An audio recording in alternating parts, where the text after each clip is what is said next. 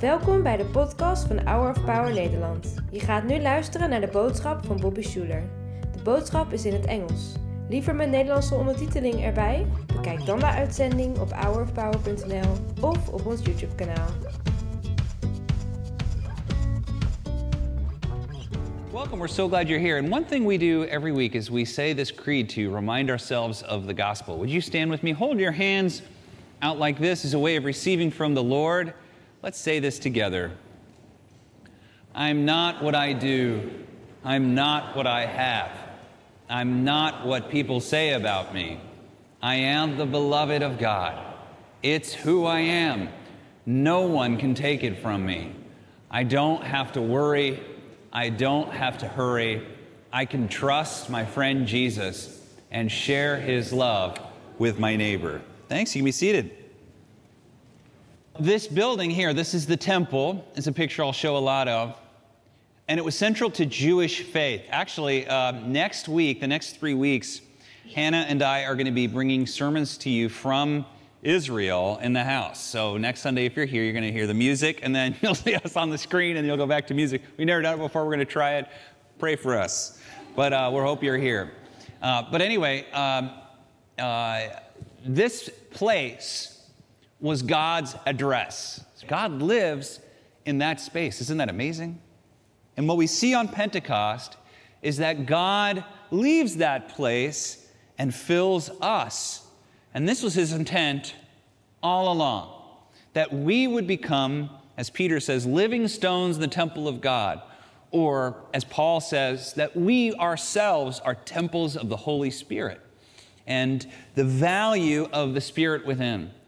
And today I want to talk about the important call that God gives us as living temples or the house of the Lord to renovate the house. And most of all, to take responsibility for where we are now and where we're going. Responsibility is not something that's very popular. Um, everybody likes to blame everybody else. And we'll get down to that in just a minute. C.S. Lewis had this wonderful quote about coming to faith in the Lord he said, When you come and become a Christian, God begins to do a work in you. And he said, Imagine that you're a living house, and the Lord comes into your life and he begins doing some work that makes sense. First, he fixes a leaky ceiling, he does a little work with the plumbing. These were all bad and all things that needed repair, and so you're fine with that. But then he starts tearing down a wall and adding a new floor and putting up a wing here and a tower over there. And he starts to lay courtyards, and it all hurts so abominably. And you think, what are you, you doing? And you find out that even though your intent was that he would make a nice little cottage, his plan is to turn you into a palace, for he intends to live there. He intends to live there. And so the idea is that when we live in God's kingdom and He, in, in, literally in His Spirit, lives within us, He does a good work in us that demands that we don't become a quaint little cottage, but that we actually become a palace for the Lord. And that work takes a lot of work. It takes effort, and it is by God's grace alone, but grace is not against effort. It's against earning. We don't earn the grace, we don't deserve it. It's a free gift. But it does require, this discipleship requires effort, that we respond from a place of God's joy and love, but we also recognize that sometimes that hard work uh, hurts a little bit. It hurts a little bit. I remember um, a time when I was under immense pressure. Ever had a time in your life where it feels like if it rains, it pours? Where you went from being a little bored to having just a ton of responsibility and weren't sure if you could handle it all? I remember this happened to me. I was, uh, we were planting a church, Tree of Life, which is a part, actually a part of this congregation was woven into it. And uh, it was at an American Legion bar, which was fun. And, there were, and it was a lot of young people. But we decided when we started this church, Hannah and I, that as an act of faith, the first year, we were going to give away all of our tithes and offerings and not take a salary. And so we paid people's rent and bought groceries and just gave it away to the poor or whoever. And we had a board that oversaw it, and just, we just gave all the money away. And we did wash that God blessed us for that. But because of that, I had odd and end jobs aside from leading and planting a church, which is already a lot of work. I mentioned a while ago I used to do weddings and funerals, you know, for tips. And I did web design, which is I have no business doing, and I did not do a very good job on those. And I did random, you know, work in people's homes and this type of thing. And we just pieced together a living. At the same time, we just gotten a mortgage to buy our first house, which back then they didn't really care. They just kind of gave mortgages to anybody. You remember those days? Not a good thing. And but uh, we had this mortgage, and then we had a kid, Haven, our first child, and God blessed her with colic. Now, if you don't know what colic is, that means that the baby only sleeps when you're awake, and vice versa. So she had colic, and, and so we weren't getting a lot of sleep. And I was in seminary full time as a graduate student. I attended Fuller Theological Seminary, which is 144 graduate hours. It's similar to uh, a law degree in the rigorous nature of the, program. You have to learn two languages, Greek and Hebrew, which I did. And I remember that the, one of the courses I had was at 7 in the morning or 7.30 in the morning in Pasadena. And so from here, where I lived in Orange at the time, was a horrible, just bumper to bumper drive from here to my class early, early in the morning, and I hadn't gotten any sleep anyway. And I remember one morning, I woken up and I checked my emails and had a cup of coffee, and I was just trying to wake up. And there was this email from an elder in my church, and the email was a diatribe about something really petty. Now, to say this person was an elder, I was 27 at the time, and he was younger than I was. So, you know, was, we were all kids. But he was upset about some little thing. It was something really petty, but it was a long, you know, two paragraphs. And, and, and I remember just kind of reading it and rolling my eyes. But then as I got in the car, it started to nag at me. And, it, and I began to spin my wheels with everything else, not just that, but the pressures of a new kid, a mortgage, planting a church, all the jobs I was doing, and graduate school. And it just started to feel like, like my body, like everything was just folding in on itself and I couldn't handle it anymore. And when I got to my Greek class, which is not fun, uh, we were parsing, which is the worst thing about learning a language. And we're, so we're parsing these words and I'm bored out of my mind thinking about this stuff. And I just begin to have this bizarre emotional collapse. Now, I'm not a very weepy person. I don't cry a lot, especially didn't back then. And that's not something I'm proud of, but it's just who I am. And I just began to have this meltdown. And so I sort of scurried out of the class as I could feel myself choking up, and I went into the stairway and just began to bawl. Just cry, and it felt great, you know, it felt, felt really good. And normally, when I'm in a situation like that, where if I'm feeling a lot of stress or hardship, I go to my best friend. I go to Hannah, you know, and I call her and talk to her, and I'm with her. But this time, I really, because it felt like pastoral, it felt like a leadership thing, I went to my grandpa, who was my mentor at the time, who I know had been through a lot harder things than what I was going through. And he leaned, then he leaned forward and he looked at me and he said, Don't wish it was easier. Wish you were better. Now, that might sound like uh, tough talk, but for a young man, it was exactly what I needed. Don't wish it was easier. Wish you could step up to it and bear it. There are times we need to dial back. There are times we need to go on retreat. There are times we need to remove things from our lives. But parenting is not one of them. Paying your mortgage is not one of them. Pastoring a church is not one of them. And when we take these responsibilities, they in and of themselves are trouble, but they're also a gift. And we find that if we can bear those burdens in the, in the brief seasons that we bear them, and isn't parenting a brief season? I've been told so. We look back and we recognize that because we endured those challenges, we became stronger, better, and more hopeful because of it. Don't wish life was easier. Wish you were better. Become the kind of person you want God to make you into. Renovate the house, as C.S. Lewis would have said. Let the Lord renovate your house. Renovate the house. Decide today that you will be a different person by making the right choices you need to make and by holding on through the storm. Renovate your house. Hey, you know, renovating is a popular thing nowadays in TV, pop culture, and the business world. People love renovating their homes. There's two people that renovate their houses, right? There's some people who find a, a house that used to be beautiful and they think, I'm going to renovate this house and I'm going to live there the rest of my life and it's going to be wonderful. And then you have house flippers who say, I'm going to renovate this house and it'll look nice on the outside, but boy, I wouldn't live there. When I was, my parents are still real estate appraisers. I was a real estate appraiser, appraiser briefly, which is someone that goes and finds out the value of a, a home for banks so that they can fund a loan. And I remember when I would look at these homes, and I also worked for a real estate investment company, we look at these different houses, and after they were done, you know, for an appraisal or something like that, some houses were really well done, and then others you would be like, this is a flip. And you know it was a flip because it looks great on the outside, but when you take a closer look, it's a joke.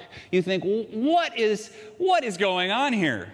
Um, there's a guy who has a TikTok video that I, he's an inspector, and he showed an example of this. Check this out. You guys see anything strange going on with this kitchen? Let me flip this camera around and show you. All right, so first we've got the oven here, right? No fan above, no microwave above. Not required, but it is pretty standard. Then they have the microwave here. Kind of a weird place for it. It does have a fan, but I'm not exactly sure what it's gonna vent. Uh, it's not very secure. Yeah, that's not supposed to happen. Then there's this big opening here. I'm not really sure what they're gonna put there. Just a big opening, empty space. Then we've got, I mean, well, we first we've got this sink like right in the middle of nowhere. It's almost like there was other places that they could have put it, but it's right here. Um, they mostly covered this vent here, this HVAC vent. They, they put that over there, which is mostly blocking the air from coming out, but uh, there it is. Okay. Then we've got the dishwasher. It's kind of nice, but it doesn't work. And I wouldn't expect it to because, you know, this is a flip. And they put this new countertop here right in front of the windows. Kind of weird, you know, kind of a pain to get in there and open it, but whatever, you know, it's all good. It's just a standard flip here in Richmond.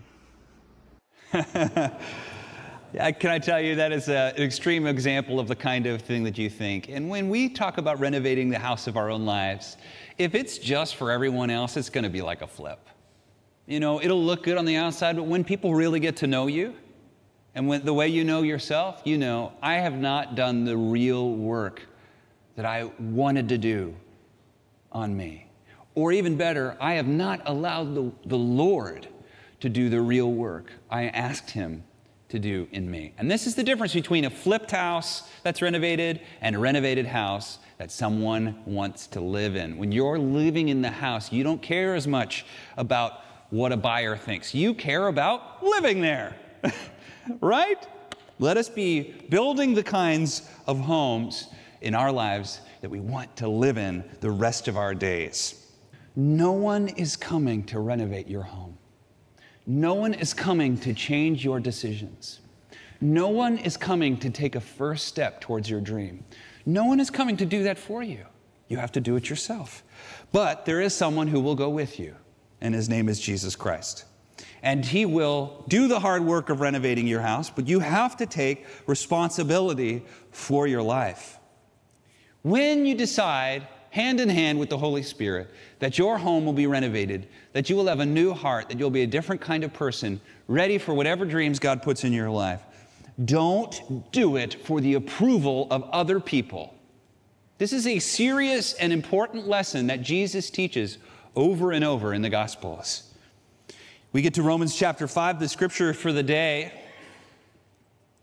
And Romans is a wonderful passage written by the Apostle Paul. You know, Paul, before he was Paul, he was Saul. And he thought he was perfect before he was a believer. He was a rabbi, he followed the law perfectly, he thought he was the best thing ever, but he was super guilty. He killed people, he beat people up, but he thought he was doing it for God. And I like to think of Paul as someone who blamed everyone. finally, when Paul was saved by grace, through the free life of God, he, his eyes were opened up and he saw that the gospel was about love and about the Spirit and about the, the power of healing and restoration and renewal. And so Romans comes out of that, that the law brings death and the Spirit brings life. And he says, Romans chapter 5, verse 1, Therefore, since we've been justified through faith, Hannah says this is great. Justified means just as if I'd never done it. Justified. Just as if I'd never done it. That's a very, you didn't say it that way, but I, you know, whatever. That's how I got just as if I'd never done it. We have peace with God through our Lord Jesus Christ, through whom we've gained access by faith into this grace in which we now stand. And we boast in the hope of the glory of God. Not only so, but we also glory in our sufferings. And this word suffering, Hannah mentioned it, is an opinion. That translation is an opinion. This word uh, really literally means pressure the, because of our pressures. And it's a metaphor, and it can, can be horrible things you go through. But a lot of times it's just a stressful life, you know, the stressful burden of responsibility, the stressful burden of, of life is hard, you know? And it says, we know that the suffering produces what? Perseverance. Perseverance, character, which means you're becoming a stronger, better version of yourself. And character, hope. So that character produces hope. That word hope is also an opinion. Um, the word is elpis, and this is what the dictionary says. It says that it's hope plus expectation and absolute confidence. We'll come back to that in just a second. And hope does not put us to shame because God's love has been poured out into our hearts through the Holy Spirit who has been given to us. Again, this word hope, elpis, means hope, but it also means expectation, and absolute confidence. If I was going to give you a Bobby Schuller version of this, it's just someone with a real positivity about life. That the sufferings, the pressures, the, the, the, tough things that have endured causes the person to be a positive person, to be a hopeful person, to walk through life with a kind of inner strength and joy that's evidence to everyone. Can I tell you that some of the believers that I know who have gone through the most are some of the most positive people I know. They've been here before, they've, seen it all. And they know that God can get them through what they're going through. So let us see the responsibilities and the pressures of life as something that God will carry us through to make us more hopeful, joyful, and yes, more powerful people. Let us never catch ourselves saying, that isn't fair. Let us never catch ourselves blaming others for where we are in life. That although life is hard, the more we press through the hard things, the stronger and more positive we become. It's counterintuitive. Many people, and this is the most common thing you hear, is I don't have, Bobby, I don't have time. Bro, I don't have time. I was thinking about this the other day. If you've got, an, if you've got a 40 hour week job, which is a full time job, you work eight hours a day, and if you get a good amount of sleep, which most people say they don't, you get eight hours of sleep a night. That leaves you with eight extra hours, okay? Eight extra hours on the weekdays. And on the weekends, you've got 16 hours and 16 hours. What are you doing with that time? What are we doing with that time? If you want to lead an exceptional life, just take one of those eight extra hours and dedicate it towards being the person you want to be. I'm not asking you to work all the time, nonstop.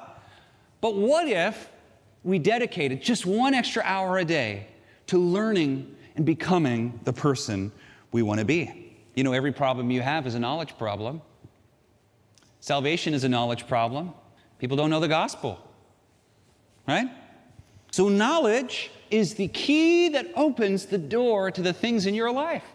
But too often, we will not pick up that book or Google that YouTube video or find a mentor or put our hand to the plow and just start doing the thing we want to do. My friend, no more. Today, take responsibility for your life and renovate the house. Renovate the house. Become the kind of person you were called to be. Become it. Today, start today. And watch how God will turn your life around. Many of us like to work out. I know I, I, like to work out, and sometimes I'll fall off the bandwagon for a year or two or three, and I will never cancel my gym membership. I'll just keep paying every month because every time I think about canceling it, I'm like, I'll go back. and then I just keep paying and I don't go back because I don't want to take responsibility for the fact that I've stopped working out. And then when I finally do go back to the gym, the worst, th- the three weeks are the worst.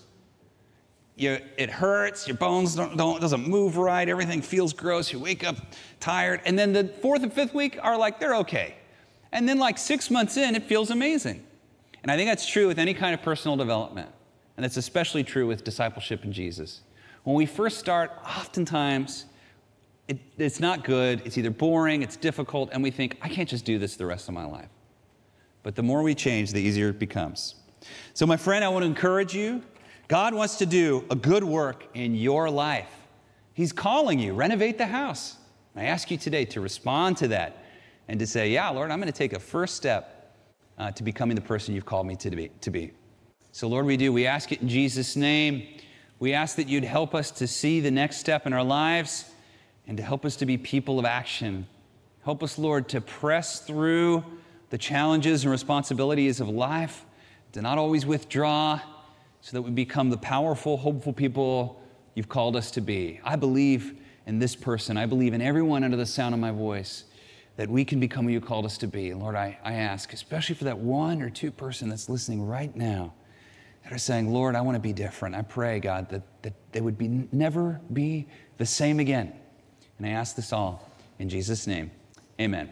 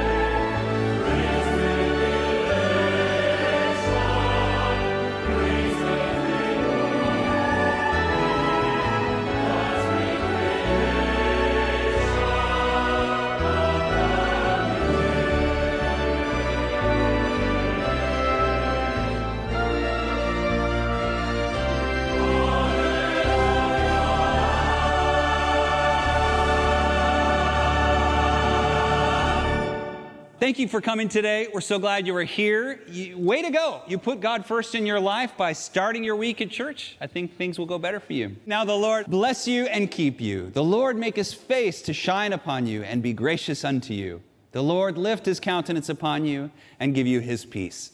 In the name of the Father, and of the Son, and of the Holy Spirit. Amen.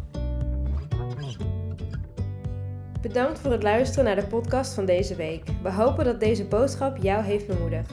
Wil je meer weten over Hour of Power of dagelijkse bemoedigingen ontvangen? Ga dan naar www.hourofpower.nl.